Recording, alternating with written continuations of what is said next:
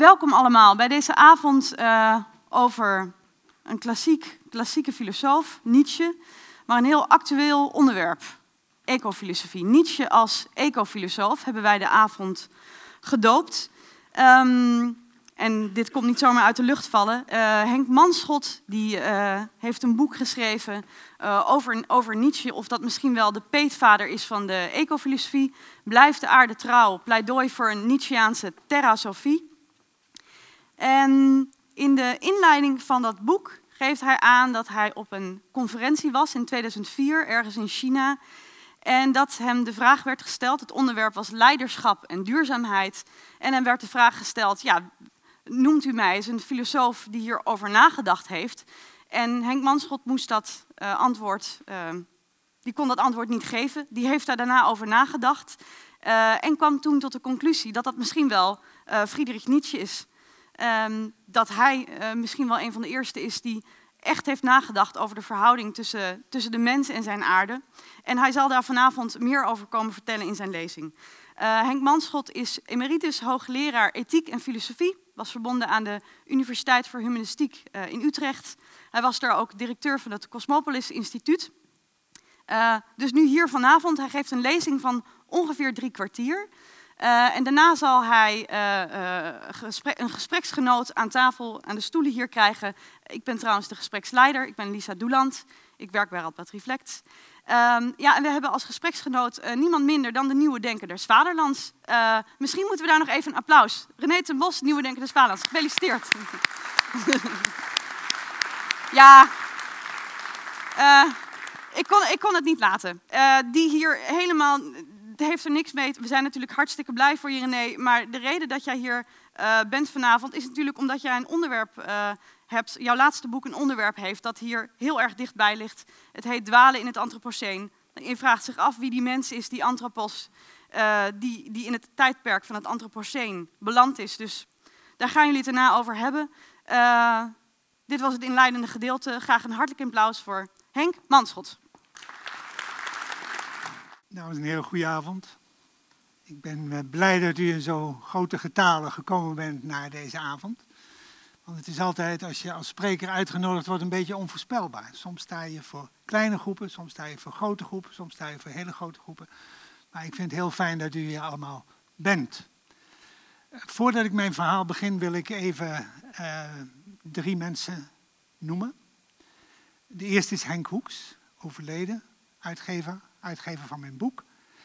En ik wil hem noemen omdat hij als uitgever van de Sun al in 19, 1980 mijn proefschrift heeft uitgegeven. En nu bijna zijn laatste energie heeft besteed aan dit boek. Dus ik vind dat ik zijn naam hier niet onvermeld mag laten. Hij was een buitengewoon groot uitgever. De tweede is Paul van Tongeren, omdat de receptie van Nietzsche in Nederland toch heel erg gevormd is door wat hij over Nietzsche geschreven heeft. Mensen, denk ik, die iets over Nietzsche gelezen hebben, hebben een boek van hem gelezen filosoof uit Nijmegen. Belangrijke informatie over Nietzsche. Heeft ook mij gevormd. En de derde is al genoemd. De nieuwe denker des vaderlands. Het is natuurlijk een eer om op zo'n avond als deze met hem in discussie te gaan. Maar u ziet wel drie Nijmeegse grote figuren. Dus Nijmegen is de place to be, zou je zeggen. Mijn naam is Henk Manschot. Ik ben humanistisch filosoof, althans zo word ik genoemd. Maar dat is een humanisme in de zin van, van Nietzsche. En dat is een humanisme dat eigenlijk tamelijk kritisch staat ten aanzien van de blinde vlek van het verlichtingshumanisme. En tot die blinde vlek behoort onder andere dat de relatie tussen de mens en de dieren en de aarde daar nauwelijks een plek heeft. Maar ook de filosoof die probeert om precies die gedachte, relatie van de mens tot de aarde, wisselwerking tussen de mens en de aarde, een plek te geven in de filosofie en naar mijn gevoel een hele goede plek. Daar wil ik het vanavond met u over hebben. Ik moet even wennen om zo omhoog te kijken en in het licht, maar tot nu toe gaat het goed. Hè? Als u mij niet kunt verstaan, dan moet u het zeggen. En ik wil beginnen met u iets te vragen. Uh, ik heb twee zonen. En toen ze heel klein waren, vertelde ik hun verhaal over dieren, zoals alle ouders doen. En ik vroeg hen dan, kies een dier, en dan ging het verhaal over dat dier. En in het begin kozen ze één dier, en dat werd de hond of de cavia of de kat. En langzamerhand werd dat natuurlijk een ander dier, een spannender dier. En daarna werden het dus twee dieren, en dan ging het verhaal daarover. De vraag die ik u wil voorleggen is of u een halve minuut in gedachten wil nemen wat het dier is, welk dier u zou kiezen als u een verhaal zou willen hebben over uw dier. Ja?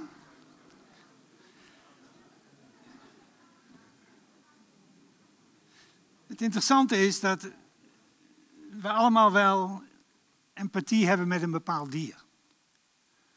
En dat is precies de relatie die Nietzsche ontwikkelt ten opzichte van de dieren waarover hij praat. En ik denk ook dat de 120 dieren die in zijn filosofie voorkomen, dat die misschien vanavond in meerderheid hier wel door u zijn gekozen. De leeuw, de adelaar, de slang, de pauw, de koe, het schaap, de hond, vlinder, kolibrie. Je kunt zo gek niet verzinnen. Komen allemaal bij Nietzsche voor. Dus, en dat was voor mij een van de meest verrassende ontdekkingen in mijn lectuur van Nietzsche.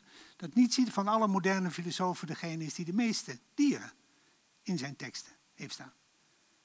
En er is eigenlijk in de filosofie over Nietzsche nooit zoveel over gezegd. Men dacht dat is overdrachtelijk. Daar gaat het niet over bij Nietzsche. Bij Nietzsche gaat het over de ideeën. En die dieren die hebben een soort ondersteunende rol. Ik probeer u vanavond te laten zeggen dat dat absoluut niet klopt. Het is andersom. De dieren leiden Nietzsche en de ideeën komen daarbij. De dieren vormen onderdeel van Nietzsche's filosofie van de aarde. En over de aarde deed hij de volgende uitspraak. De aarde heeft een huid, die huid heeft ziekten en een van die ziekten heet de mens. Dat zei Nietzsche in 1882. De aarde heeft een huid, de huid heeft ziekten en die ziekte heet de mens. En wat mij daarin frappeerde is dat dat eigenlijk een zeer goede samenvatting is van wat veel mensen vandaag de dag dus voelen. We praten veel over crisis. Crisis van de aarde, crisis van de vissen, crisis van de bossen, klimaatcrisis. Sleutelwoord voor onze beleving van deze tijd. En tegelijkertijd ook aan de idee dat het de mens is die in al die crisissen een belangrijke rol speelt.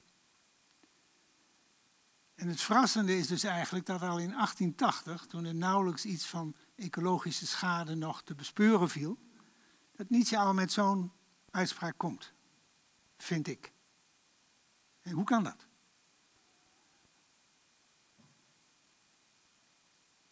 Het geeft denk ik aan dat we niet op de rampen die wij meemaken hoeven te wachten om tot het inzicht te komen dat er blijkbaar met de moderne cultuur iets aan de hand is wat niet goed is voor de aarde en daarom ook niet goed voor de mens. Ik weet niet hoe uw gevoelens zijn in de huidige tijd. Ik vraag altijd bij het begin van een lezing, wie is meer pessimistisch over de toekomst? En wie is, ondanks de zorgen die we hebben, meer optimistisch? Ik zal u niet vragen om handen op te steken. Maar heel vaak zijn de pessimisten net iets meer in de meerderheid dan de optimisten. Dus de analyse van de tijd die wij maken, maakt bij mensen tamelijk sombere gevoelens rond over de toekomst. Wat ik vanavond wil doen, is uh, u eerst iets vertellen over Nietzsche en over zijn filosofie en waarom dat mij zo geraakt heeft. En in tweede instantie wil ik ook u iets vertellen over wat wij aan die filosofie van Nietzsche naar mijn ogen in onze tijd hebben. Ik denk dat die een gids kan zijn om ons een kader aan te bieden waarin wij die vraagstukken precies tussen de wisselwerking van de mens en de aarde en hoe de een de ander beïnvloedt, dat Nietzsche ons daar interessante dingen over kan zeggen. Maar ik begin met u iets te vertellen over Nietzsche zelf. Nietzsche leefde, zoals ik al zei, in de 19e eeuw. Hij is geboren in 1844. Op 25-jarige leeftijd is hij al hoogleraar in Basel in de filologie. En als hij tien jaar daar hoogleraar is, zeer succesvol hoogleraar, graag geziene gast in de debatten over cultuur, vriend van Wagner, breekt hij met het leven wat hij heeft. Want zijn eerste zin is niet de aarde is ziek, en die ziekte is de mens, maar de eerste zin van Nietzsche is eigenlijk ik ben ziek. Ik voel mij ziek, ziek van de cultuur waarin ik leef, ziek van het leven dat ik leid, ziek van mijn bezig zijn op het ogenblik in dit leven. En hij neemt dus een tamelijk radicale beslissing, want hij verlaat Basel en hij gaat dan in de zomermaanden leven in de bergen, in de Alpen. Bij Sils Maria, een prachtige plek voor degenen die er wel eens geweest zijn, hoog boven in de Alpen in Zwitserland, vlakbij een prachtig meer. En in de wintermaanden, wanneer het te koud is in de bergen, zoekt hij dus het gebied op van de Middellandse Zee. Aan de Italiaanse kant en de Franse kant. En daar gaat hij wandelen. Hij wandelt vier, vijf, zes uur per dag. Hij wandelt zes dagen per week. En hij houdt dat vol tien jaar lang. En mijn eerste vraag was dus, wat, wat doet dat nou met een filosoof die zijn leven zo gaat inrichten? Hij ging wandelen, buiten. En Nietzsche merkt daar al heel snel over op hoe goed dat hem doet. Hij leeft helemaal op. Hij voelt zich herboren, zegt hij. Hij voelt dat hij heelt van zijn ziekte. Dat op en neer gaan in de bergen, dat leven met de wouden en ook met de rotsen, met de uitzichten, raakt Nietzsche dus zeer diep in zijn beleving van geluk. En dat is denk ik de eerste ontdekking van Nietzsche's filosofie over de aarde. Dat is niet een abstracte idee, maar dat is, je moet naar buiten, je moet dicht bij de natuur gaan leven. Je moet goed luisteren, je moet goed observeren. Niet alleen wat je buiten ziet, maar ook wat het met jezelf dus doet. Ik zei al dat hij heel veel heeft met dieren. En dat er meer dan 120 dieren in zijn teksten voorkomen. En dat zijn allerlei dieren. Dat zijn de dieren die hij zag. De zwaluwen, de adelaar, de koeien en de schapen, de grote grazers. De honden, de katten, de vlinders, de mieren. Je kunt zo gek niet verzinnen of ze komen in Nietzsche's teksten voor. Maar er komen ook veel dieren in voor die hij niet gezien kan hebben. Maar die wel een grote rol gaan spelen in zijn filosofie. Zoals de kameel en de leeuw. U kent dat waarschijnlijk uit de opening van Alzo sprak. Of de adelaar en de slang, die zijn huisdieren worden. Of de albatros, nachtvlinder. Wonderlijk vind ik dat Nietzsche zoveel dieren maakt en ontmoet op het moment dat hij gaat denken over wie ben ik eigenlijk. En een van de dingen die de dieren hem leren, waardoor hij naar dieren kijkt, is wat is eigenlijk een gelukkig leven op aarde? Dieren leven op aarde, dieren hebben geen idee van de hemel, ze hebben alleen het leven hier. En dieren kunnen heel gelukkig zijn, volgens niet. Hij zegt, de koeien hebben het in de zon liggen uitgevonden. En voor hem is dat een belangrijke indicatie voor geluk. Liggen in de zon. Gewoon liggen in de zon. Of hij zegt, de vlinder,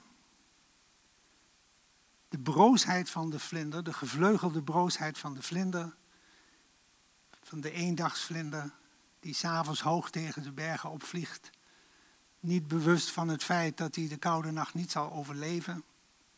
Kijk hoe die vlinder vliegt. Is ook gelukkig, volgens niet. En dat is een reflectie over geluk die hem eigenlijk bezig gaat houden en over heling en over aards leven, maar echt in de zin van dicht bij de aarde leven en met de aarde en de dieren en de planten en de bomen die daar zijn leven. die eigenlijk in mijn ogen de opening geven van Nietzsche's ecologische filosofie. De moderne mens is dat contact met de natuur kwijtgeraakt. En is ook kwijtgeraakt hoe helend, hoe ontspannen, hoe gelukkig, hoe verrijkend in emoties die ervaringen kunnen zijn. Hij schrijft daarover in zijn wandelboeken. Dus in 1980 of 1880 gaat hij ongeveer naar Sils Maria. En dan beginnen wat ze noemen de wandeljaren van Nietzsche. En hij schrijft dan boeken met prachtige titels als Menselijk al te menselijk, Morgenrood, De wandelaar en zijn schaduw, De wandelaar in gesprek met zijn schaduw. Vrolijke wetenschap is de wetenschap van de troubadour. En dat zijn allemaal boeken met hele korte tekstjes, aforismen. En dat zijn eigenlijk reflecties die in Nietzsche opkwamen tijdens die wandelingen dat hij buiten was. Hij maakte dan heel kort enkele aantekeningen. En werkte die s'avonds uit tot die kleine aforismen. En die aforismen zette hij achter elkaar. Zonder veel systematiek. Maar je proeft daar doorheen wat Nietzsche zocht door buiten te zijn. Voor het schrijven van mijn boek ben ik Nietzsche achterna gewandeld. Niet, niet letterlijk, maar ik heb mij ook zes weken of bijna twee maanden in de Alpen teruggetrokken. En ik wandelde elke dag met de teksten van Nietzsche op zak buiten. Want ik wilde ook zelf voelen wat het met je doet. Als je buiten bent, kijkt, observeert, leeft, voelt. Alle emoties voelt die daarbij horen. En of dat je gedachten verandert. En ik had niet een aantekeningenboekje bij me, maar mijn iPhone. En daar zit zo'n luidsprekertje op. En als hij dan een paar gedachten had, dan praatte ik die in in mijn iPhone. En s'avonds werkte ik die uit. Het is dus een hele aparte ervaring. Het is niet de filosoof als de kamergeleerde, niet de filosoof als degene die theorieën bouwt, zegt Nietzsche. Nietzsche wantrouwt dat, wantrouwt dat zeer. Maar het is de filosoof die dicht bij de ervaring en dicht bij de vragen wat is eigenlijk gezond worden? Wat is gezond leven naar, naar lichaam en ziel? Hoe gaat dat eigenlijk? Die dat als rode draad neemt van zijn filosofie. Daar wandelend over denkt. En aan die wandelingen dus fundamentele vragen verbindt die hij vanuit de filosofie, want hij heeft een uitgebreide filosofieopleiding gehad, had meegekregen over fundamentele vragen. Bijvoorbeeld over lustbeleving. Wat is dat eigenlijk, lustbeleving? Heeft dat iets met de aarde te maken? Hebben dieren dat ook? Op dezelfde manier als wij of anders? Is dat met schuld beladen of niet? Of, hoe gaat dat bij dieren? En kunnen wij daar van de dieren iets leren? Een van de grote vragen die Nietzsche had was prooidier. Het dier dat jaagt zonder enig gevoel van schuld of terughoudendheid. De leeuw bijvoorbeeld. Prachtige dier, zegt Nietzsche. Maar hij jaagt zonder schuldgevoel en zonder medelijden. En wat betekent dat eigenlijk? En hij zet zich daarmee heel sterk af tegen de medelijdencultuur die volgens hem de cultuur is van, van het christendom. Dus ik vond dat als opening van filosofische reflectie eigenlijk heel apart, want het geeft een nieuw beeld van wat filosoferen eigenlijk inhoudt. In mijn ogen houdt filosoferen vanaf de jaren 80, 1880 bij Nietzsche in. Je opnieuw verbinden met de aarde, op allerlei manieren. En de vragen die dat in je oproept, fundamentele vragen over gezondheid naar ziel en lichaam, over je gelukkig voelen, over elementaire belevingen van lust, over macht, om die gewoon maar aan de orde te stellen zoals dat in je opkomt. Niet aan de hand van een tekst van een of andere grote filosoof, dat kan altijd later nog. Maar beginnen bij je ervaring, bij de directe ervaring. Het is een apart soort van filosofie. Het is dan ook niet voor niks dat heel lang na Nietzsche, Nietzsche door filosofen niet beschouwd als een filosoof. Die zeiden dat is een interessante figuur. En je vindt de prachtige aforismen en mooie tekstjes. En zeker als je een keer een speech moet houden, vind je bij Nietzsche altijd wel een interessante quote die het hele gesprek kan openen. Maar filosoferen is toch eigenlijk iets anders. Nou, ik denk dat Nietzsche precies dat idee van filosoferen heeft willen openbreken. En heeft willen zeggen, de kamergeleerden en de abstracte ideeën en de grote theorieën, die wantrouw ik eigenlijk een beetje. Wat ik de mensen zou willen leren en zou willen voorhouden en wat ik ook zelf wil doen, is blijf dicht bij je ervaring en denk vanuit je ervaring. Maar ga fundamentele vragen daarbij niet uit de weg. Nietzsche denkt ook over eten. Hij experimenteert zelfs met eten. Wel vlees eten, geen vlees eten. wat doet dat met je? Wat doet dat met je lichaam? Voel je je dan beter? Voel je je dan slechter? Voel je meer energie? Zout of minder zout? Alcohol of geen alcohol? Allemaal heel elementaire dingen die ook tot ons dagelijks leven behoren, werden inzet van Nietzsche's experiment.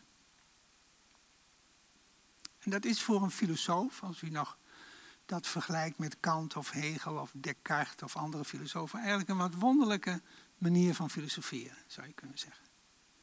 Maar ook een heel spannende. Ik vond dat een heel spannende.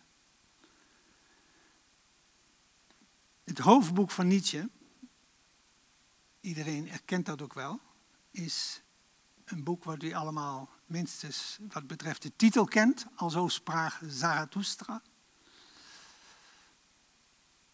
Ik, vertel dat wel eens voor jongeren, dit boek, alzo sprak Zarathustra, maar die zeggen ja, wij kennen dat van Star Wars, want de opening van Star Wars begint met Richard Strauss, die alzo sprak Zarathustra heeft geschreven, en dan pop krijg je van die grote klanken. Dus dat is de associatie, eerste associatie met alzo sprak Zarathustra is niet Nietzsche, maar is Star Wars. Maar bij Nietzsche, als ik naar zijn boek terugga, is al zo sprak Zarathustra het centrale boek en tegelijkertijd een hoogst wonderlijk boek. Bijna onleesbaar boek. Al sprak Zarathustra is een soort raamvertelling. Het vertelt het verhaal van een kluizenaar, Zarathustra, die de stad van de mensen verlaat.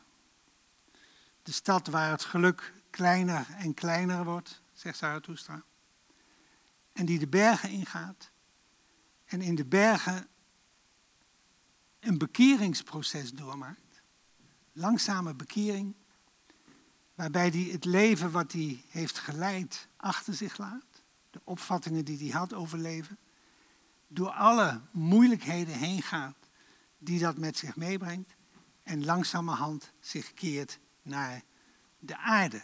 Zarathustra is dus de figuur die wil ontdekken wat aards leven, wat leven op aarde, leven met de aarde echt betekent.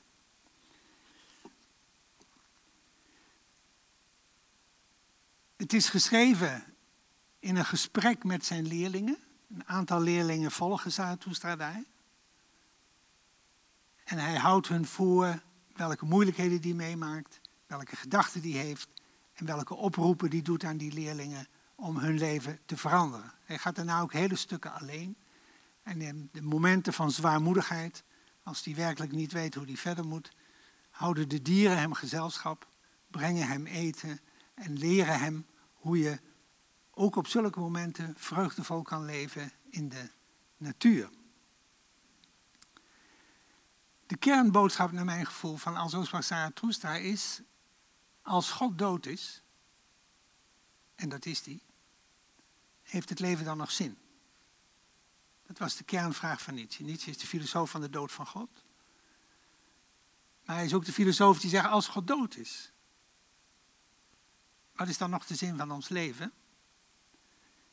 En Alzo sprak Zarathustra wil een antwoord geven op die vraag. En het antwoord wat Nietzsche Zarathustra wil laten geven is, we zullen ontdekken wat de zin van dat leven is. Als we ons serieus gaan opstellen als bewoners van de aarde. Als aardebewoners. En gaan ontdekken dat we een dier zijn tussen de dieren. En dat samenleven met alle leven op aarde hetgeen is wat wij moeten leren. Het is een vraagstuk waar wij in onze tijd ook mee zitten. En ik vind dus verrassend dat die Zarathustra voordoet, zou je kunnen zeggen, ons leert, ons uitnodigt om eens mee te maken wat er met je gebeurt als je die moderne levenswijze waar wij in zitten, die ons heeft gevormd, die onze gewoonte heeft gemaakt, die onze stijl van leven heeft bepaald. Als wij die levensstijl proberen los te laten en te ondervragen vanuit het idee, wat zou het leven zijn als we ons werkelijk verbinden met de aarde, verbinden met de dieren en de planten en de bomen om ons heen. En op zoek gaan naar een levensstijl die zowel de aarde respecteert als de mens een nieuwe vitaliteit en levendigheid en enthousiasme voor het leven geeft. Want die twee dingen hangen bij Nietzsche heel erg samen. Misschien is het goed om even naar deze tekst nog te kijken. Hij stelt zich tot taak wat hij noemt de ontmenselijking van de natuur. En vervolgens de vernatuurlijking van de mens nadat hij een zuiver begrip natuur zich heeft eigen gemaakt. En die ontmenselijking van de natuur, dat gaat natuurlijk over de opvattingen die de moderniteit, waarin de mens zo centraal staat, heeft geplakt op de natuur. Natuur als een object, natuur als een bron van, van de grondstoffen die wij gebruiken. Als je die oplossing loslaat en je gaat naar een opvatting van natuur als een web van leven, samenhang van alle leven en de mens daarbinnen.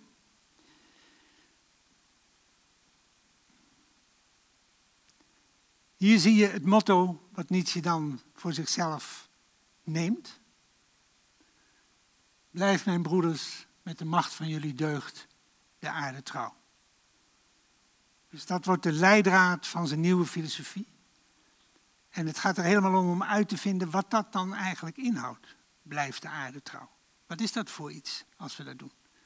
En hij voegt daar aan toe, laat jullie schenkende liefde, jullie inzicht, de zin der aarde dienen, opdat ze de aarde haar zin geeft, een mensenzin. Ook een interessante zin. Zeker als je nog even aan die vorige denkt, de ontmenselijke van de natuur, vernatuurlijke van de mens. Hier zie je een tweede opvatting van Nietzsche rond de mens. De ecologische filosofie, de ecologische relatie die wij tot de aarde moeten gaan ontwikkelen, is eigenlijk datgene wat ook de mens zelf de zin van het leven geeft in relatie tot de aarde en de aarde een betekenis geeft in relatie tot de mens. Dus die wisselwerking wordt de inzet van zijn denken over mensen en aarde, zonder dat al onmiddellijk ingevuld is wat het inhoudt.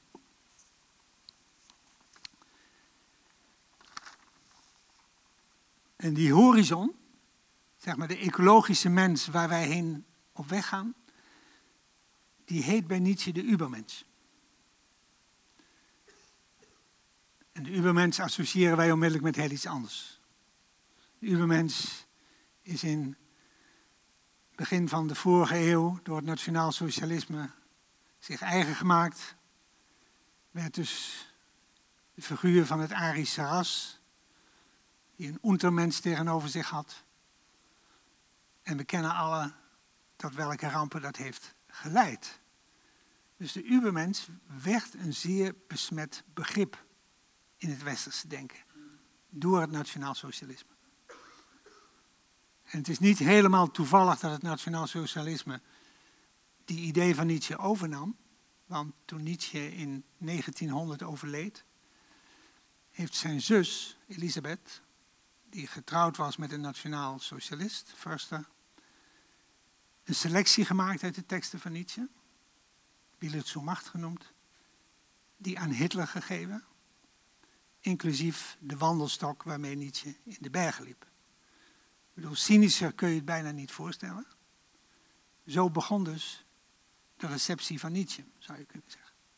En ik kan dus ook heel goed begrijpen dat na die Tweede Wereldoorlog, met alles wat daar is gebeurd, en die vreselijke lading die die term Ubermens heeft gekregen, filosofen hebben gedacht, dat woord willen we nooit meer horen. En het is dus ook praktisch uit de filosofie verdwenen daarna. Men heeft allerlei andere begrippen voor de mens aangehaald, maar de ubermens niet meer. Vertaald als de bovenmens. Ik denk toch dat we de moed moeten hebben om naar die notie terug te gaan. De bovenmens, of de mens voorbij de mens, zoals het ook wel wordt vertaald. En proberen uit te vinden wat Nietzsche dan precies met die notie heeft bedoeld. Wat wilde die nou aangeven door te zeggen, de bovenmens is, geeft de richting aan waarin wij moeten gaan. En de bovenmens is eigenlijk, in mijn woorden, de ecologische mens. De 100% ecologische mens. Die begrijpt hoe je de aarde moet respecteren en zichzelf onderdeel voelt van het leven van de aarde. En voor zichzelf een levensstijl kiest die daarbij past. Dat is naar mijn gevoel de kortste omschrijving in mijn woorden van de bovenmens. Toch is het niet een ideaal bij Nietzsche. Dus Nietzsche zegt niet, dat moet je zo en zo doen, dat houdt dit en dit in. Ik zal je even een stappenplan geven naar die toekomst. Dat zegt hij helemaal niet. Hij zet de, bovenmens neer als een, een richting. Als symbool, zegt hij, van een verlangen. Van een verlangen dat wij moeten wekken in ons om zo op weg te gaan naar de toekomst waarin wij gaan leven. Het is aan de ene kant een lege figuur. Want, zegt Nietzsche, we zullen telkens naarmate we die weg verder opgaan en ons meer engageren met zo met de aarde omgaan, zullen we telkens nieuwe gezichten van die bovenmens ontdekken. De bovenmens groeit met ons mee naarmate we onze inzichten over de aarde beter, groter, gefundeerder worden dan ze nu zijn. Dit is dus een soort procesmatige idee die daarbij komt. En Nietzsche verbindt dat tegelijkertijd met wat hij noemt de uitzuivering van het verlangen. Dus de weg naar de bovenmens is altijd ook een transformatie van onszelf. Is altijd ook een uitzuivering van het verlangen wat ons drijft. Uitzuivering van onze lusten, van onze behoeften, van onze ideeën, van onze spirituele ervaringen. Allemaal onderdeel van die weg naar de bovenmens. Kijk, hier zie je zo'n tekstje over de bovenmens. Die, zo staan er heel veel in als Oostvaarts Zaratrisme. De bovenmens is de zin van de aarde, de ecologische mens. De mens die werkelijk de aarde respecteert als een levend geheel en zichzelf daaraan aanpast, is de richting die wij moeten kiezen voor de geschiedenis. En dan zie je zijn evolutionaire idee. De mens, wij, de mens van de huidige samenleving, is een koord gespannen tussen de aap en de bovenmens. Een koord gespannen boven afgrond. Dus de weg naar de bovenmens, of het leven wat we nu leiden, is een leven boven de afgrond. En over die afgrond heen, het koord dat wij hebben, leven we toe naar die ubermens, ja of nee. Heel erg dus toekomstgericht heel erg op zoek naar waar moeten we heen. En Nietzsche herhaalt dan, we moeten goed beseffen dat wij moderne mensen niet het doel zijn van de geschiedenis. Onze levensstijl, onze cultuur, onze technologie, alles wat wij uitgevonden hebben, is niet een doel waar alle mensen heen zouden moeten komen en dan zouden we de volledig ontwikkelde, well-developed wereld hebben. Wij moeten onszelf leren zien, zegt Nietzsche, als een brug. Wij zijn geen doel, wij zijn een brug. Wij zijn een overgang. Ik vind dat een heel hoopvolle gedachte. Om te zeggen, ah, datgene wat wij zijn, is niet het eindpunt. Is niet wat je je over het leven als een gelukkig leven kan voorstellen. En B, onze functie, onze verantwoordelijkheid is om die moderniteit waarin we zitten een stap verder te brengen. En precies op dat punt verder te brengen waar de relatie tot de aarde en de implicaties daarvoor de mens op het spel staan. Misschien moet er nog één achteraan. Ik moet even mijn tijd in de gaten houden. Ja? Huppie. Eén terug. Uh, ja, laat maar staan zo, dat is goed. Kijk, hier staat, ik zei u straks, we moeten ons losmaken uit de gewoonten die we hebben, uit de levensstijl die we hebben. En Nietzsche probeert dan in ervaring voor zichzelf na te voelen wat dat betekent. Als je je losmaakt uit de moderne gewoonte waarin je zit. En dan zegt hij daarover, dat is een ervaring waarin je als het ware los voelt. Uitgetreden.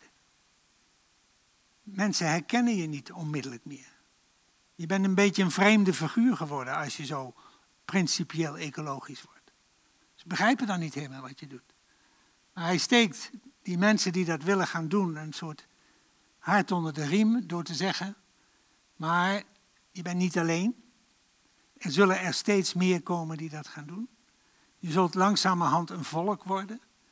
En aan dat volk zal een nieuw volk ontspruiten en daaraan de bovenmens. Dus je ziet dat het een generatieproces, maar een generatieproces die tegelijkertijd die ervaring van voor vreemd gehouden worden, een beetje aparte figuren, die dat meemaken en dat tegelijkertijd moeten zien te overwinnen. En dan vraagt hij aan zijn leerlingen, die hem vragen, maar wat moeten wij dan doen? Zarathustra, zeg ons wat wij moeten doen. En dan antwoordt Zarathustra, je moet je eigen weg vinden, want de weg, die is er niet. De weg, die bestaat niet. Dus er zijn vele manieren om in dat ecologische ontwikkelingsproces je weg te zoeken, onder voorwaarde dat je het doet, dat je gaat. We hebben dus een nieuwe, een open houding nodig ten opzichte van de aarde. Zo zou ik denk ik Nietzsche's ecologische filosofie willen samenvatten. De aarde is niet een dode planeet, maar een levend geheel. De aarde is ook niet een bron van grondstoffen die wij kunnen gebruiken of een plaats waar we ons afval dumpen, zoals we tegenwoordig zeggen. Maar de aarde is een onbekende, centrum van leven, een bron van leven, waarvan we opnieuw moeten ontdekken wat die bron van leven dan precies is en wat dat voor ons leven betekent. En wat Nietzsche wil met zijn ecologische filosofie is mensen aanzetten, mensen oproepen, mensen uitdagen om die richting naar een nieuwe cultuur op te gaan en daar ook zelf aan bij te dragen. Ik heb mij afgevraagd wat wij in onze tijd nu aan deze ideeën van Nietzsche hebben. Wat kunnen wij daarmee? Wat doen we daarmee? En in mijn visie doe ik daar het volgende mee. Ik wil u een paar suggesties voorleggen, maar het zijn niet meer dan suggesties die ik wel in het tweede deel van mijn boek probeer uit te werken. In mijn visie is het zo dat het in onze tijd van levensbelang is dat de filosofie, de wisselwerking tussen de mens en de aarde, tot hoofdthema maakt van het denken van de mens. Ik denk dat het hoofdvraagstuk waar wij mee zitten eigenlijk dat vraagstuk is. Hoe is die wisselwerking nu? En hoe zouden we vinden dat die wisselwerking zou moeten worden, zou moeten zijn? We hebben natuurlijk een heel andere kennis over de aarde dan Nietzsche in zijn tijd.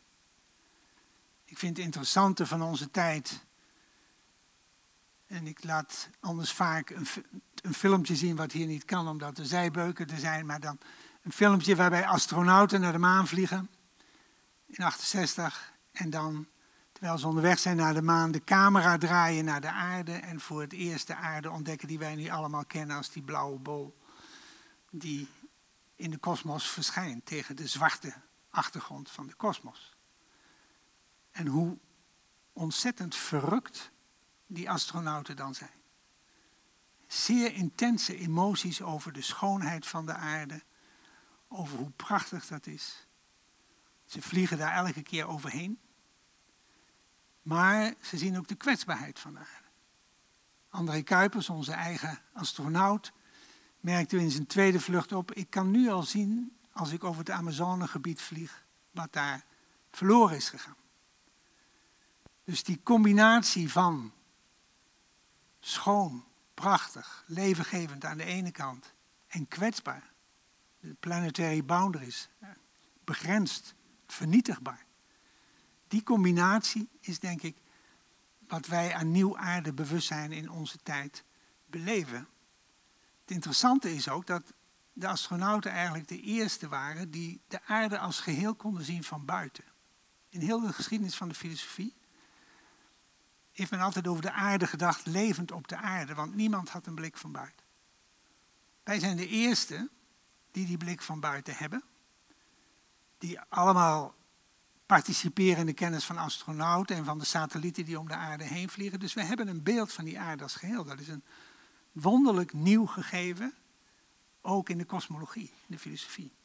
Maar wij ontdekken die aarde als kwetsbaar. En die kwetsbaarheid wordt nog groter als we bedenken dat in de laatste 100 jaar, 125 jaar, één diersoort, namelijk de mens, van 1 miljard naar 7,5 miljard is gegroeid. En we groeien nog door naar 9 miljard. Dus de impact van de mensen, die verwaarloosbaar was op aarde, is de laatste 100 jaar ineens een centrale kracht geworden in de transformatie van de aarde. Dus ik denk echt dat we een nieuwe fase in de evolutie ingaan. Een fase waarbij de wisselwerking tussen mens en aarde radicaal verandert. En waar de vragen dus opkomen, wat betekent dat dan aan verantwoordelijkheid voor ons? Ik heb dat Terra Sophie genoemd. Van Terra is aarde en Sophie is wijsheid, Sophia. Dus we hebben een nieuwe wijsheid van de aarde nodig, zou ik kunnen zeggen. Een praktische wijsheid is dat. Maar die wijsheid gaat dus precies over die vragen wij kunnen niet meer uit onder het denken van die wisselwerking. En ik heb je straks gezegd dat ik het gevoel heb dat in onze tijd, wanneer we over dit vraagstuk denken, eigenlijk sombere gevoelens de overhand lijken te krijgen. Pessimistische stemmingen. Ofwel een zekere apathie. Dat mensen zeggen, het, het, het is zo groot dat vraagstuk, ik krijg zoveel indrukken en kennis en allemaal zijn het rampenvoorspellingen, ik sluit mijn oren daarvoor. Apathie is niet het feit dat mensen onverschillig zijn, zei iemand ten opzichte van dit vraagstuk, maar het feit dat het vraagstuk zo groot is, zo omvangrijk, dat ze het niet kunnen handelen, dat ze disconnected raken en zich daarom afsluiten, wat je apathie kan noemen. Er zijn veel schuldgevoelens verbonden nu met het leven van mensen op aarde. Als we gaan vliegen, als we vlees eten, als we, als we, als. Dus er hangt een soort doem over ons levensgevoel als we rond deze kwesties gaan nadenken. Je zou kunnen zeggen, het perspectief wat wij hebben is overleven. De dreiging die vanuit de toekomst op ons afkomt, bepaalt hoe wij nu naar dat vraagstuk kijken. Voor mij is het interessante van Nietzsche dat dat niet Nietzsche's perspectief was. Nietzsche had een heel ander perspectief, namelijk hoe verbind ik mij opnieuw met de aarde? En hoe kan ik voelen dat dat eigenlijk een fantastische ervaring is om je weer te verbinden met de aarde? Nietzsche is op zoek naar een soort vitalistische manier van leven. Hoe je daar gelukkig van wordt, hoe je je zintuigen helemaal opent, hoe je je langzamerhand voelt helen, hoe je zorgvuldiger gaat nadenken over de primaire relatie tussen jou en de aarde. En dat is onder andere eten. Want eten wordt deel van jouw lijf, zegt Nietzsche. Wat je eet wordt deel van jou. Dus het is heel belangrijk dat het eten wat je eet goed en gezond en vruchtbaar en zouden wij zeggen biologisch eten is. Fundamenteel.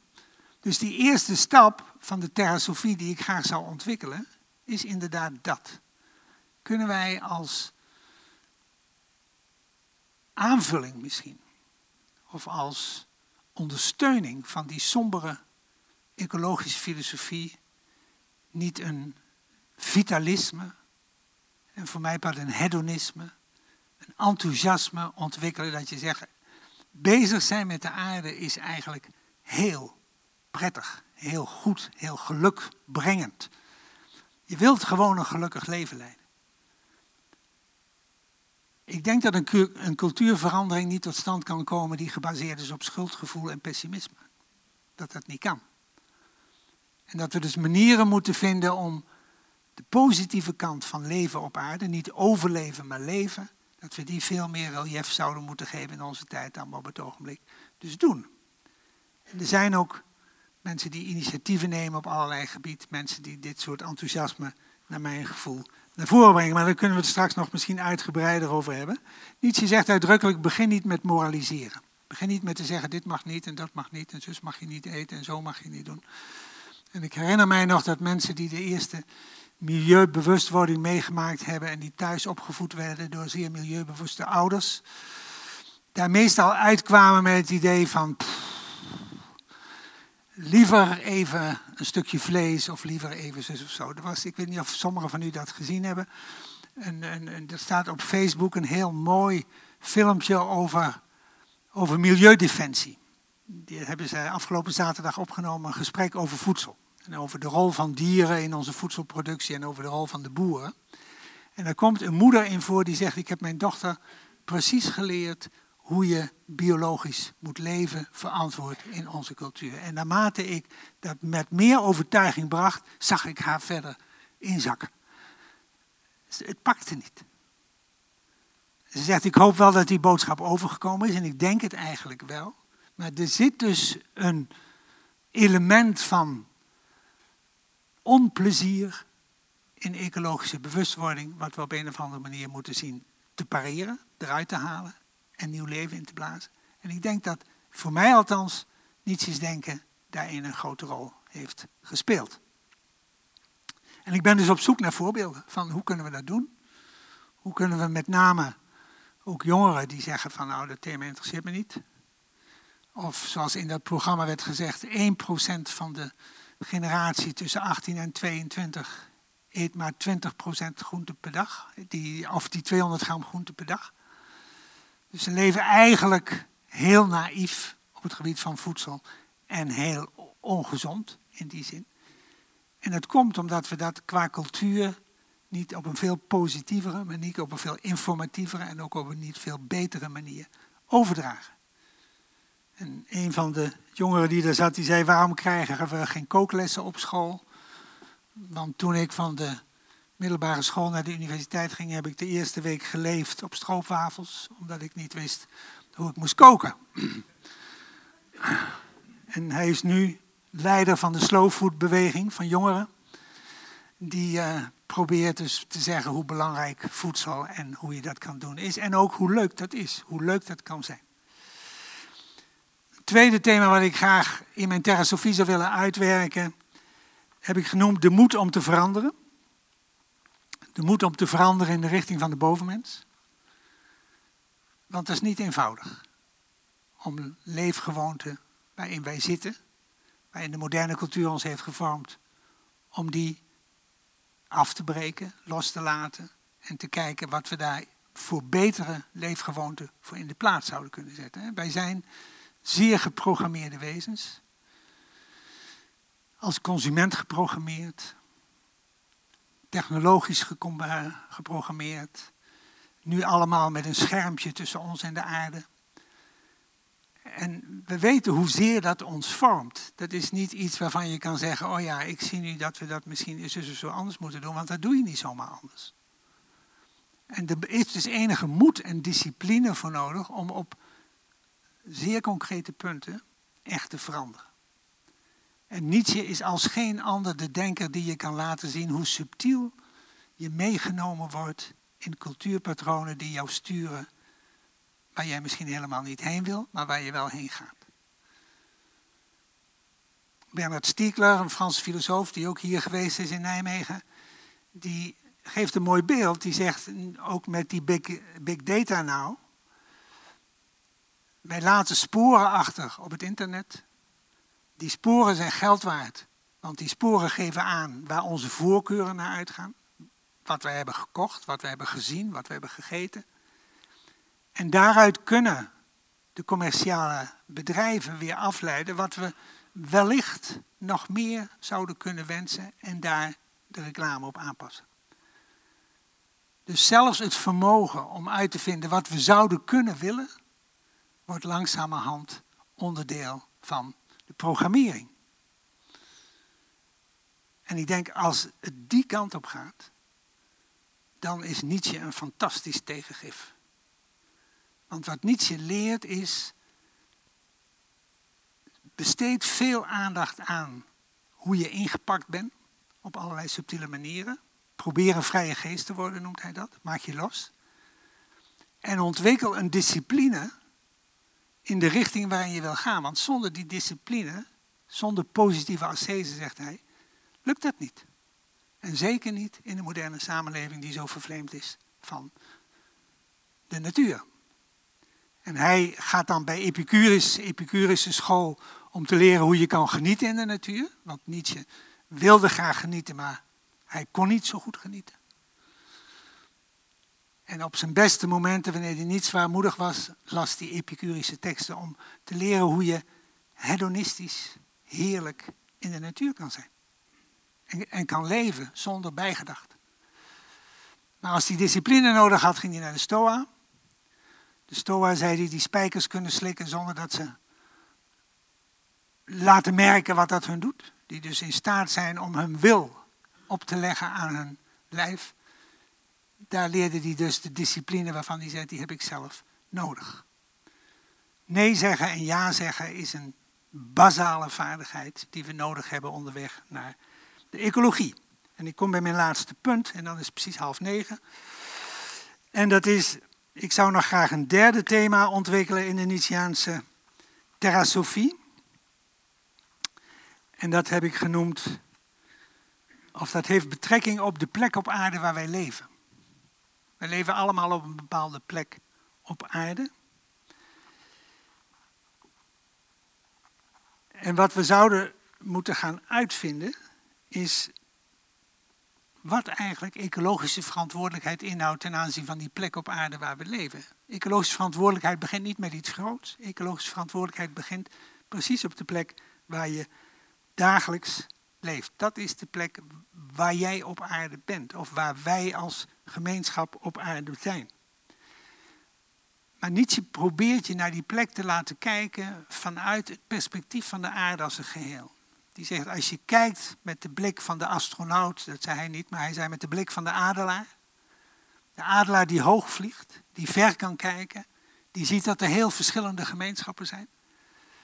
Als je met zo'n blik kijkt, dan zie je jezelf als een regio tussen andere regio's op die aarde. En voel je ook de verantwoordelijkheid voor de plek op aarde als een verantwoordelijkheid voor al die andere mede op aarde met wie jij een geheel vormt. Dus eh, je zou kunnen zeggen, de, de ecologische lokale filosofie van Nietzsche is een filosofie die verantwoordelijkheid neemt voor de plek waar die leeft. En tegelijkertijd die verantwoordelijkheid invult met een bewustzijn van de aarde als geheel. Als wij kijken naar de moderne filosofie, hoe daar het lokale is bedacht, dan komen we bij een heel ander thema uit, namelijk bij het nationalisme. De traditie van de lokale filosofie in de westerse filosofie is heel erg gevormd door precies een heel ander denken, door nationalistisch denken. Dat wil zeggen, de plek op aarde is de plek van ons. Eigendom, toe-eigening, is dus niet de plek van anderen. Is dus een plek die we moeten afgrenzen. Is een plek waar we onze nationale identiteit, die op het ogenblik weer zo centraal staat, vooral goed moeten neerzetten. En zo neerzetten dat anderen weten wie wij zijn en dat zij dat niet zijn. Dus dat hele nationalisme wat vanaf de 19e eeuw via het nationaal socialisme, via het, het populisme nu, een wonderlijke manier onze samenleving weer binnenkomt. We hadden het kunnen vermijden als we een planetair ecologische lokale filosofie hadden ontwikkeld in de lijn van Nietzsche. Waarbij we gezegd zouden hebben vanuit die blik van boven is de binding aan het lokale heel belangrijk. De binding aan de grond waar je zit is een prachtig gegeven. Niet van geboorte, maar van verantwoordelijkheid. Ook mensen van buiten kunnen op die lokale plek verantwoordelijkheid nemen. Is helemaal niet voorbehouden aan de mensen die daar geboren zijn. En dan komen we tot een heel ander soort ecologisch populisme, noem ik dat maar, dan we op het ogenblik hebben. en ik beschouw dat als een opgave voor de filosofie om tegenover die nationalistische tendensen die overal in de politiek weer opkomen. Als ik naar Frankrijk kijk, Marine Le Pen, als ik in Nederland kijk. Hoe kan het, denk ik dan, dat de progressieve filosofen hebben nagelaten om een ecologisch, lokale, planetaire filosofie te ontwikkelen. En dat zeg ik ook tegen mezelf. Vandaar dat ik ga proberen om daar een eerste antwoord op te geven. Maar ik hoop dat ik velen meekrijg in het uitwerken daarvan. Dat was mijn verhaal. Ik dank u wel.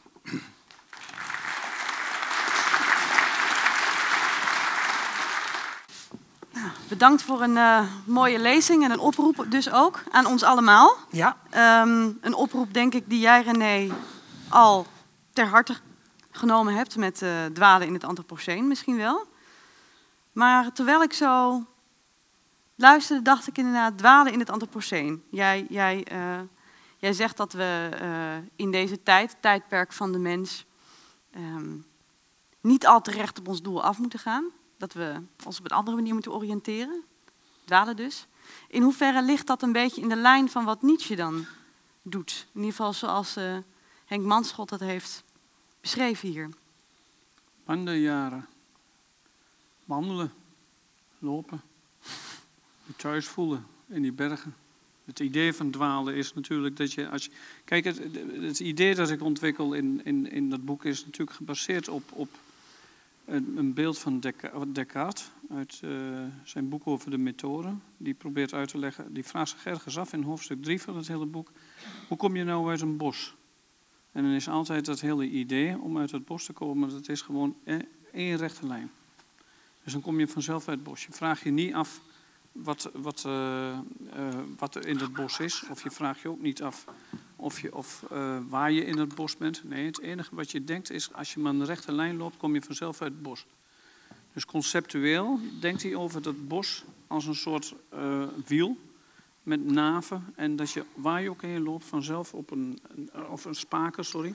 En waar je ook heen loopt, vanzelf op zo'n spaak terechtkomt en dan eindig je vanzelf in het bos.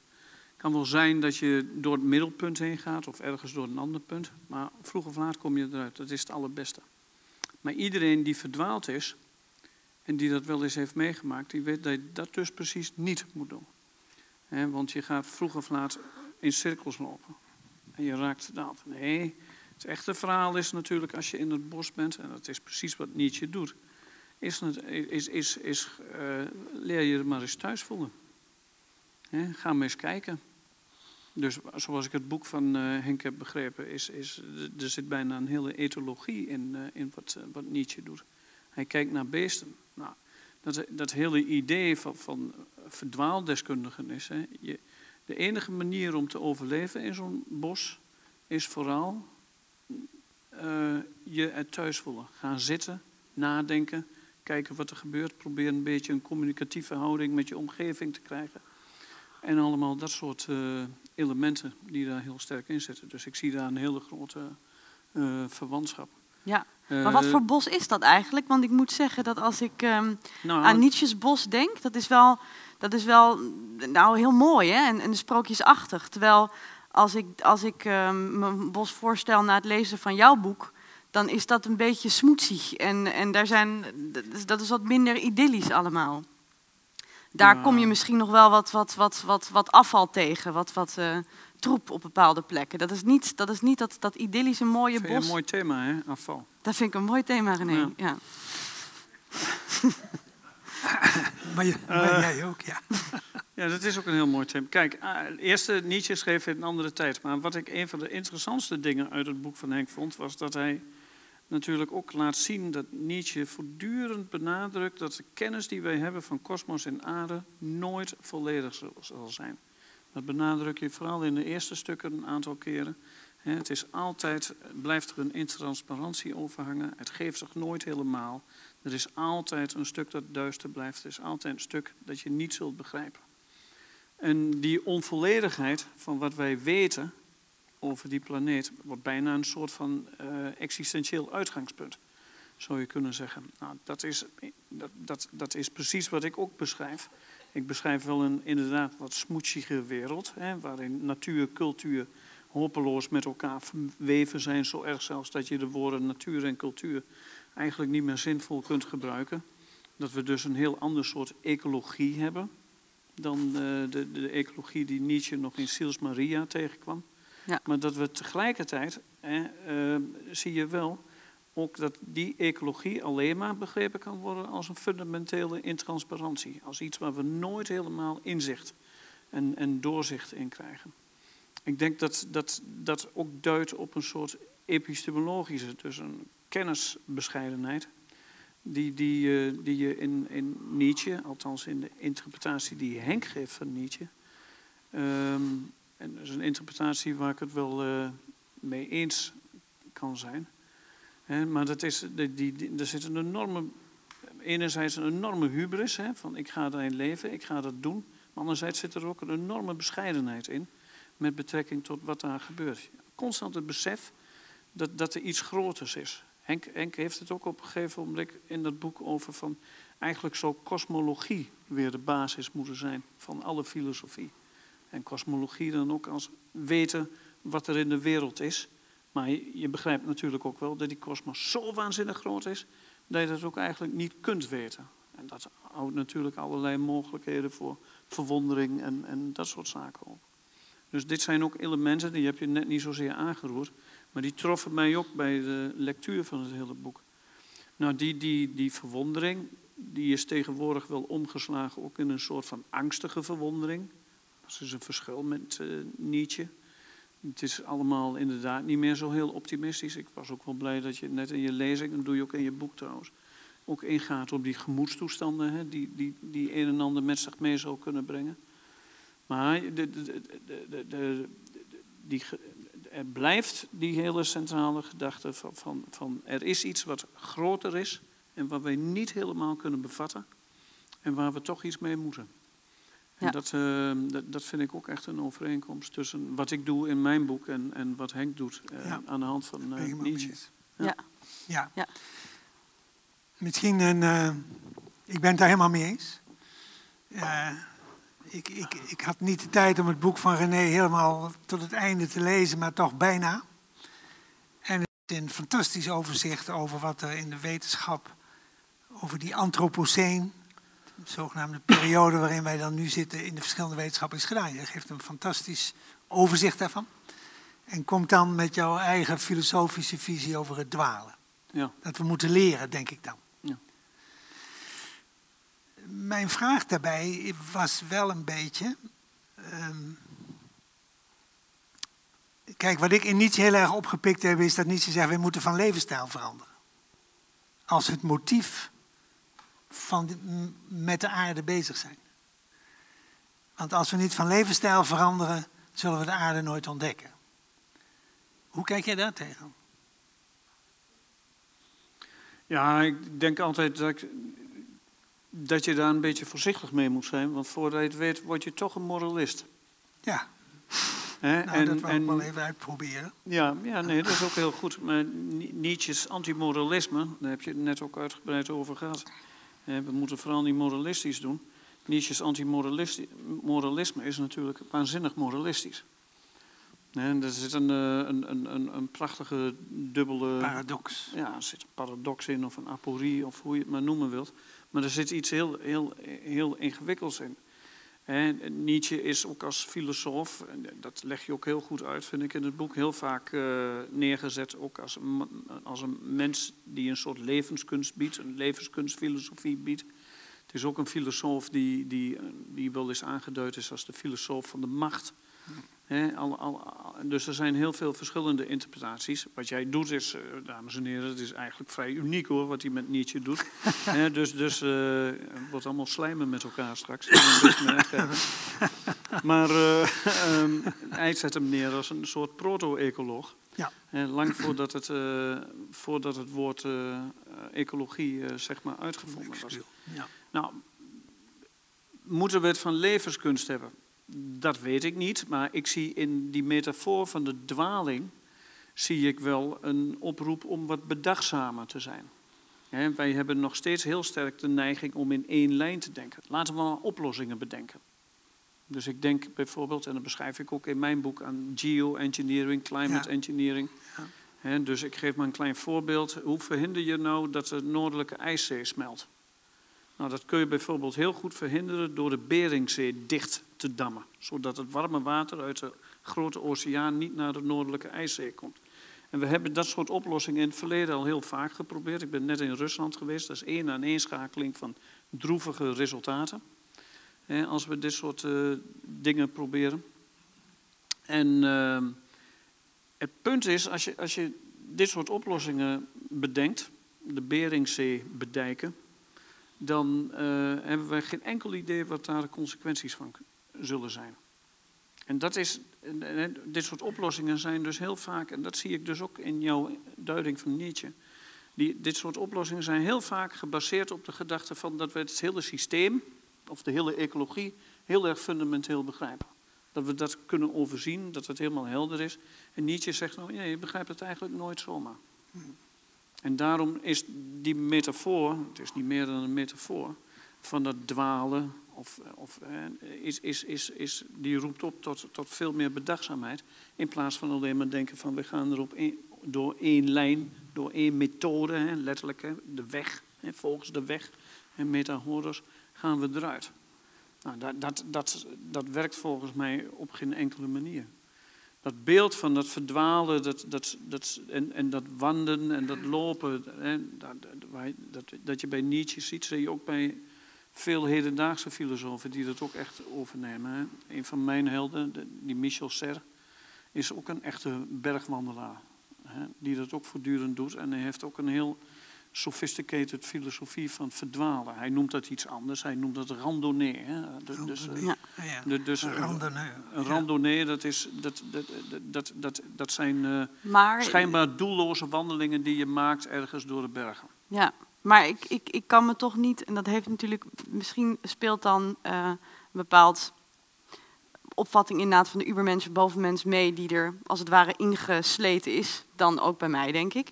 Maar je hebt toch wel het idee dat op een bepaalde manier, mm, oké, hij wil misschien niet recht op zijn doel af, maar hij wil wel ergens naartoe.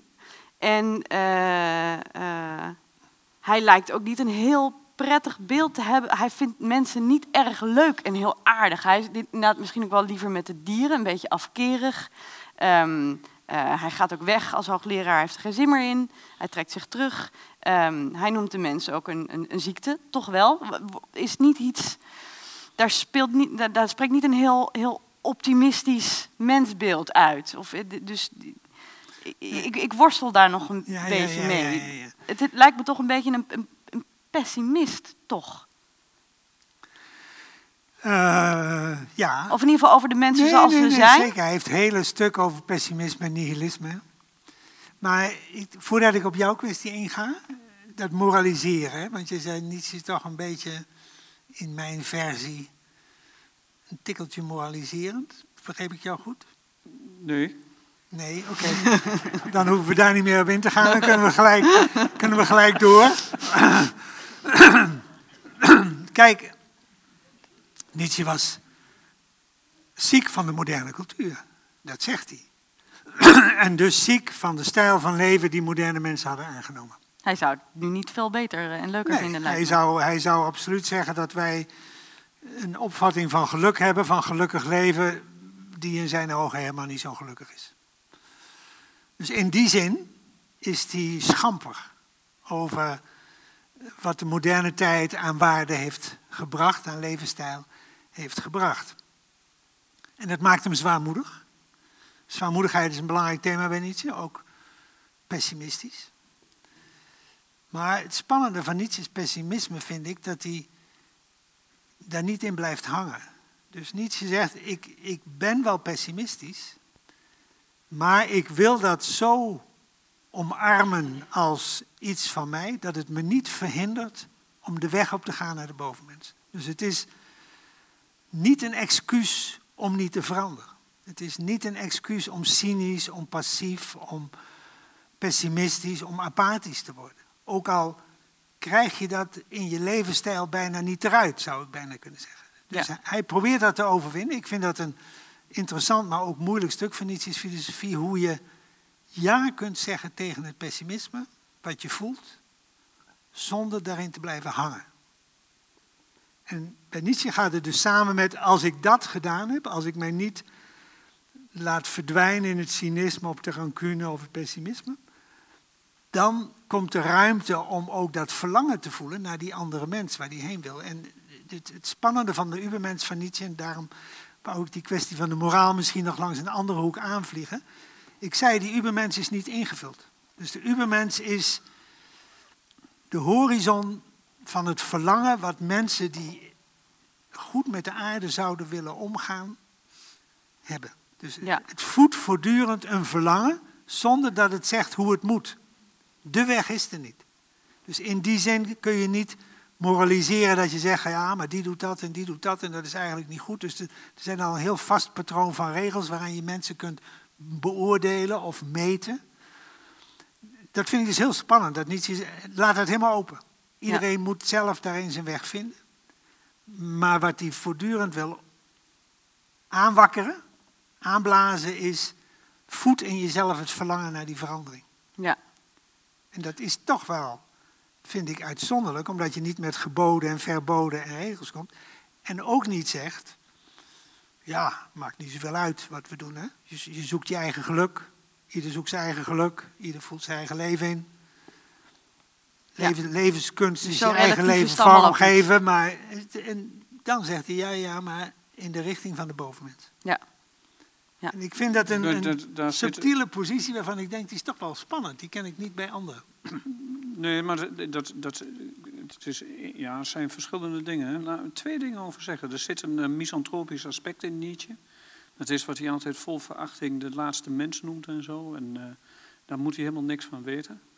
Maar er zit in die misantropie, dat is een paradox van alle misantropie, mensenhaat. Hè. Dat, dat, dat mensenhaters die hebben eigenlijk stiekem de mensen hartstikke lief. In, in het beroemde toneelstuk ze zijn van gewoon Molière. teleurgesteld. Ja, in het beroemde toneelstuk van Molière wordt een misantroop echt opgevoerd. Maar de enige die echt geeft om mensen is de misantroop uiteindelijk. Dat is, dat is een interessante paradox. Die, en ik denk dat je bij Nietzsche ook wel eigenlijk zoiets ziet, altijd. Wat ik ook heel leuk vind, mens wordt ook door Nietzsche gedefinieerd als een nog niet vastgestelde dier. En dat werkt hij ook altijd systematisch uit. Je kunt nog steeds iets anders worden. Ik ben het ook niet met je eens, Lisa, als je zegt dat er toch ergens een doel is. Nee, we hebben het net gehoord. Het is een brug. Een brug naar iets anders. En, en eh, dat, zijn hele belangrijke ideeën. Dat idee dat werk ik ook in mijn boek uit. Ik noem dat alleen de Pliocene wanhoop van de mens. Dat is een idee van de Tsjechische dichter eh, Miroslav Holub. Die ergens een gedicht schrijft waarin Lucy eh, wordt neergezet. Zo'n oermens die dan aan een meer in het huidige Ethiopië zit. Daar zijn een paar botjes van gevonden. Zo'n eh, paleo-mens. En, eh, en, en hij schetst zo in feite het hele idee. Lucie wordt maar 20 jaar, 24 jaar oud of zo. Maar die zit dan aan het meer in een soort quasi-reflexief moment na te denken over wat hij zal worden. Nou, dat is, dat, dat, dat is de grote vraag. Hè. Als ik het over het antropoceen heb, is de grote vraag: wat wordt die antropos voortdurend? Hè? Wat Ja. gaan we ermee doen? Dat is in feite een heel, hartstikke Nietzscheaanse vraag. Ja. En, en, ehm, en, en, en dat dat ook op de een of andere manier helemaal niet bepaald is. Dat, wij, dat al die wetenschappers plotsklaps zo'n term waarin de mens helemaal centraal staat, antropoceen. Ook hubris is dat, hè, overmoed van de mens. Is ook iets heel geks. Hè. Mijn collega Pieter Leroy vindt het een weerzinwekkende term. Hè. Dat is weer de mens helemaal centraal. Maar dat, dat duidt ook op een, op een ontzettende zorg die er is over wat die mens moet zijn, wat die mens is.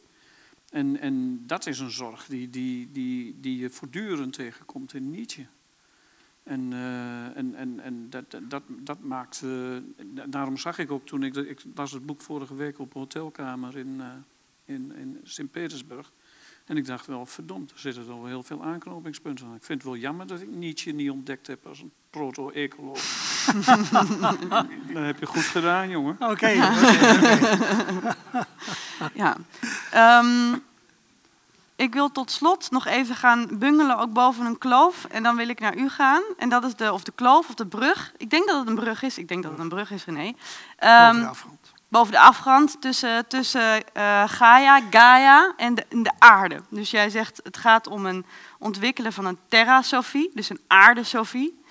Ehm, En wat je vooral ziet in het debat, of in het, nou ja, laten we, in het denken over, over, over ecologie, nu dus de ecofilosofie, is dat die Gaia staat dan vaak centraal. Um, ook een soort moeder aarde, maar uh, jij beschrijft hoe die veel abstracter is. Dus die, onze kennis ook van Gaia is dan meer gebaseerd op wetenschappelijke kennis. Um, uh, we benaderen dat als een geheel. Onze kennis schiet natuurlijk altijd tekort. Maar, en uh, in onze uitbreiding van kennis daarover ervaren we onmacht, dreiging, paniek. Want we, nou ja, we komen dingen te weten, maar misschien niet genoeg. Dus dat is Gaia. En aan de andere kant heb je daar dan inderdaad die aarde, die concreter is, meer op de ervaring gebaseerd. Meer op existentiële kennis ook. Um, toch lijkt inderdaad bij Nietzsche, want jij omschrijft dat dan, um, er een soort brug te zijn. Want hij probeert wel dat buitenperspectief via de adelaar te vinden. Maar, um, maar is dat dan. Um, uh, gaat het jouw stiekem toch ook, moet die Gaia er wel, moet die er wel bij? Snap je? Die wetenschappelijke kennis, het moet niet alleen maar een aardesofie zijn, niet alleen maar concreet Nee. lokaal. Dus maar hoe, hoe, uh, hoe balanceer je Hoe verhouden die die uh, zich brug? tot elkaar? Ja. Misschien moet dat woord Gaia even worden toegelicht. Gaia komt van, van Lovelock, een, een klimatoloog, die aan het eind van de vorige eeuw onderzoek heeft gedaan naar dus klimaatregulering rond de aarde. En die daaruit afleidde, die zei de aarde is eigenlijk een levend wezen, want alleen een levend wezen kan temperatuur reguleren. En hij wilde de aarde vergelijken met de kameel. Een kameel is in staat om de lichaamswarmte van het beest zelf te reguleren van min 40 tot plus 40. Tot plus 50 zelfs. Dus die heeft een enorme range aan klimaatverschillen die die kan doen. De aarde, wij zitten nu op 4%, 3%, u kent dat verhaal allemaal, is een regulerend systeem, maar kan maar een beperkte regulering regelen. En wat, wat wij nu zien, zegt Lovelock, is dat wij die regulering aan het verstoren zijn. En dat de aarde terugslaat, zo noemt hij dat. De aarde reage- reageert. De revenge of Gaia, de wraak van Gaia is dat de aarde zegt, bij wijze van spreken, als jullie zo met mij omgaan, dan doe ik dit. Maar die blijft een beetje lastig, hè? Want wij zijn, wij zijn ook Gaia, toch? Wij zijn toch ook... eh, Nou, maar daar gaat het dus over, er is een soort evenwicht, een balans, waar wij als mensen deel van uitmaken, maar waar wij alsmaar verstorend Een ziekte dus. binnen werken. En als we niet oppassen, zegt hij, dan slaat de aarde terug. En Bruno Latour, een Franse filosoof, heeft dat heel mooi opgepakt. Die zei, kijk, toen, toen Lovelock kwam met die term Gaia, toen, toen hadden mensen de indruk, oh god, gaan terug naar moeder aarde en de oude aardefilosofie en zo. Maar Latour zegt, nou, dat is niet het goede spoor. In onze tijd staan we als twee volwassenen tegenover elkaar. Gaia en de mensen. En Gaia is niet zozeer een moeder, maar eerder een bitch, zei hij. Die zegt, als jullie dit doen, dan doe ik dat. Hè? Dus er is een bepaalde activiteit, agency in het beeld van de aarde, die zich manifesteert in termen van de rampen die we meemaken. En waarvan Bruno Latour zegt, dit soort activiteit van de aarde, we hebben eigenlijk geen woorden, geen denkwerk om die een goede plek te geven. Maar we worden nu geconfronteerd met een actor, de aarde, die reageert op een manier die wij niet voorzien, niet verwacht hebben. En die we gaan ontdekken als reactie op ons gedrag. Dus ik vond dat wel een prachtig beeld om te zeggen, de aarde is niet de lieve, zachte moeder die voedt enzovoorts enzovoorts, wie die in de klassieke Gaia-beleving is. Maar de aarde is een behoorlijk forse tegenspeler aan het worden. Die wel eens alle ideeën die wij over actie, over soevereiniteit, over transcendentie zou kunnen verstoren. Dus Ja. Het zou wel eens kunnen zijn dat wij naar een filosofie toe moeten waarbij we nog andere actoren hebben dan alleen de mens. En een van die actoren zou wel eens de aarde kunnen zijn. Nou, dat is geen wetenschap. Wetenschap brengt ons een hoop kennis over hoe al die, die crisissen tot stand komen en over de biologische samenhangen en over hoe wij in het proces van de evolutie geworden zijn wie we geworden zijn. En op basis daarvan over de pessimistische voorspellingen, want op grond van berekeningen enzovoorts enzovoort. Dat doet de wetenschap. Ja. En die heeft dus veel invloed op hoe wij in het dagelijks leven denken. Nietzsche's beeld van de aarde is dat Nietzsche zegt: oké, die kennis van de wetenschap moeten we meenemen, moeten we niet ontkennen. Maar het is niet het laatste raam van denken dat we hebben. Die wetenschappelijke kennis is een informant over de aarde en niet de enige. Er zijn andere informanten die ons helpen om die relatie tussen mens en aarde te denken. En dan komt hij met filosofie. En dan komt hij met het idee van religies. Hij zegt, kijk, levensbeschouwingen hebben allemaal geprobeerd om die relatie mens-aarde op een of andere manier te duiden. Ze deden het niet op de goede manier, maar ze deden het wel. Het zijn experimenten met de aarde die eigenlijk niet wisten dat ze experimenten waren. Wat wij nu kunnen doen, is het experiment van de levensbeschouwing wel bewust op touw zetten. Dat kunnen wij moderne mensen dus doen. Dat konden die levensbeschouwingen niet, maar die hebben heel veel intuïtieve kennis.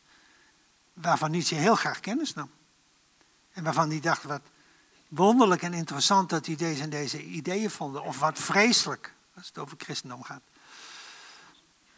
Maar daar Ja. zette hij zich heel erg tegen af. Dus ik Ja. vind op zich, en daar zit je met die notie van de kosmologie, dat, we, dat wij zeggen, wij, de kosmologie die wij nu hebben is helemaal door de wetenschappen bepaald.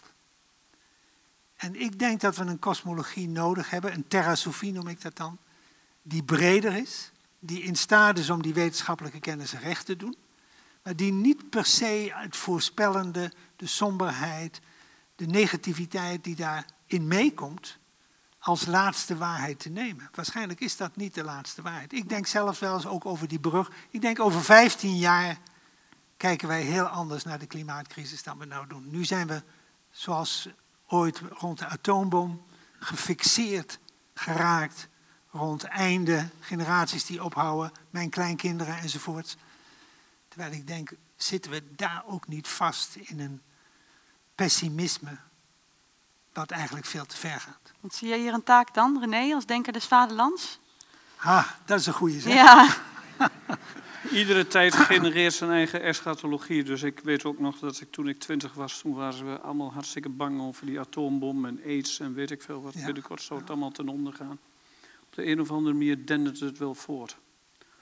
Ehm, ehm, maar misschien dendert het niet op een hele prettige manier voor. Dat, dat, dat, dat, eh, dat geeft natuurlijk wel eh, te denken. En daar moet je wel aandacht voor vragen. Dat probeer ik natuurlijk ook met zo'n boek. Ehm, er is, kijk, wij hebben in de hele filosofie is vooral ons geleerd dat, dat de natuur een machine is.